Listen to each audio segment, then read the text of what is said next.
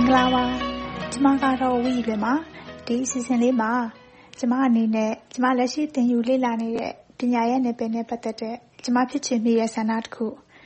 အကောင့်ထဲပေါ်ဖို့အတွက်စ조사နေတဲ့ယုံကြည်ချက်တစ်ခုကိုပြောပြချင်ပါတယ်ကျမတို့နိုင်ငံမှာရန်ကုန်မန္တလေးလိုမြို့ကြီးပြကြီးအလေလောက်ကလွဲခြင်း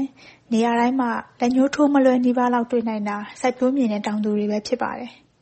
သတင်းတွေ TV နဲ့ စာတမ်းတွေမှာ မကြာခဏ ပါလေ့ရှိတဲ့ မြန်မာနိုင်ငံဟာ စိုက်ပျိုးရေးကို အခြေခံတဲ့ နိုင်ငံဖြစ်ကြောင်း အစရှိတဲ့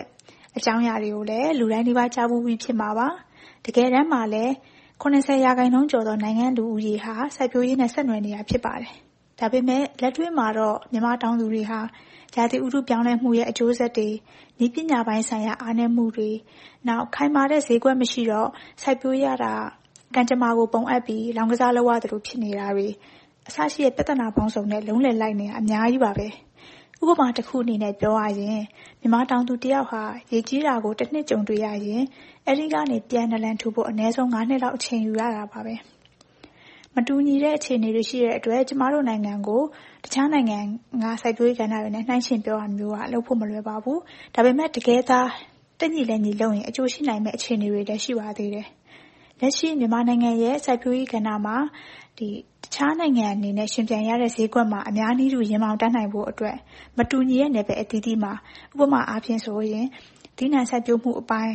၊စံချိန်မီ ထုတ်ကုန်ကြမ်းနဲ့ ကုန်ချောထုတ်တဲ့အပိုင်း၊ဈေးကွက်အသစ်ရှာတဲ့အပိုင်း အစရှိတဲ့ ခေါင်းစဉ်အမျိုးမျိုးနဲ့ ဝိုင်းဝန်းကြိုးစားနေကြတဲ့သူတွေအများကြီး ရှိပါတယ်။ဒီနေရာမှာ ကျမအနေနဲ့ လုံးဝယုံကြည်မိတာတစ်ခုကတော့ သေချာတဲ့ ဝယ်လိုအားနဲ့ ဈေးကွက်သာရှိပါစေ ကျမတို့ မြန်မာတောင်သူတွေဟာ နည်းပညာအခက်အခဲ အပါအဝင် အခြားသော အခက်အခဲတွေကို ကိုယ်ထူကိုယ်ထနည်းနဲ့ပဲဖြစ်ဖြစ် အစုအဖွဲ့အနေနဲ့ပဲဖြစ်ဖြစ် နည်းမျိုးစုံနဲ့ ကျော်လွှားပြီး လိုချင်တဲ့ထုတ်ကုန် ရအောင်လုပ်နိုင်တဲ့ အစွမ်းစားရှိတဲ့ ထက်သန်တဲ့ဆန္ဒရှိတဲ့သူတွေ ဆိုတာပါပဲ။ကျမကိုယ်တိုင်ကလည်း စိုက်ပျိုးရေးလုပ်တဲ့သူတွေနဲ့ အနီးကပ်နေခဲ့တယ်။ကိုယ်တိုင်လည်း ဒီကဏ္ဍ တိုးတက်ရေးကို ဆန္ဒပြင်းပြတဲ့သူ ဖြစ်တဲ့အတွက် ကျမတို့နိုင်ငံလူဦးရေရဲ့ တော်တော်များများသော ရာခိုင်နှုန်းကို ပိုင်ဆိုင်ထားတဲ့ တောင်သူတွေရဲ့ဘဝ မြင့်မားအောင် လုပ်ပေးနိုင်မယ့် အခြေအနေ၊အဲဒီကမှတဆင့် နိုင်ငံ့စီးပွားရေးကို အထောက်အကူ ပြုနိုင်မယ့် စိုက်ပျိုးကုန်ဆိုင်ရာ ဈေးကွက်ချဖွေမှုလိုမျိုး၊နောက် ရေရှည်တည်တံ့နိုင်တဲ့ ရေရှည်ရပ်တည်နိုင်တဲ့ မျှတမှုရှိတဲ့ ဈေးကွက်နဲ့ ကုန်သွယ်မှုတွေ ဖြစ်ထွန်းလာအောင် ဝိုင်းဝန်းကြိုးစားကြတာမှာ တတ်နိုင်တဲ့ဘက်က ပါဝင်ပံ့ပိုးချင်တာပါပဲ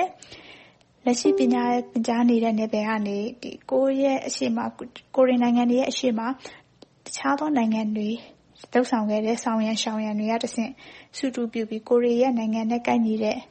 ရေရှည်အကျိုးရှိမယ့် လုပ်ငန်းစဉ်တွေ စနစ်တွေ ဖော်ဆောင်တာမှာ ကိုယ်အားဉာဏ်အားရှိသူတွေပါဝင်ချင်တာပါပဲ။မဝေးတော့တဲ့တစ်ချိန်မှာ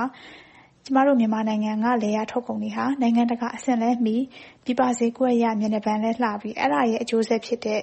ပြည်တွင်းမှာ အာဟာရပြည့်အောင် စားနိုင်တာမျိုး၊နောက်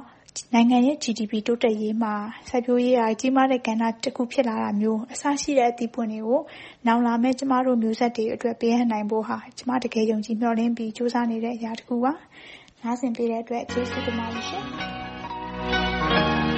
အပတ်စဉ်တင်ဆက်နေတဲ့ သူယုံကြည်ရာကဏ္ဍအတွက် ဘယ်လိုအကြောင်းအရာမျိုးမှာမဆို ကိုယ်ယုံကြည်ရာလေးတွေကို ပါဝင်ဆွေးနွေးပေးဖို့ ဖိတ်ခေါ်ပါရစေ။အီးမေးလ်လိပ်စာ burmese@voanews.com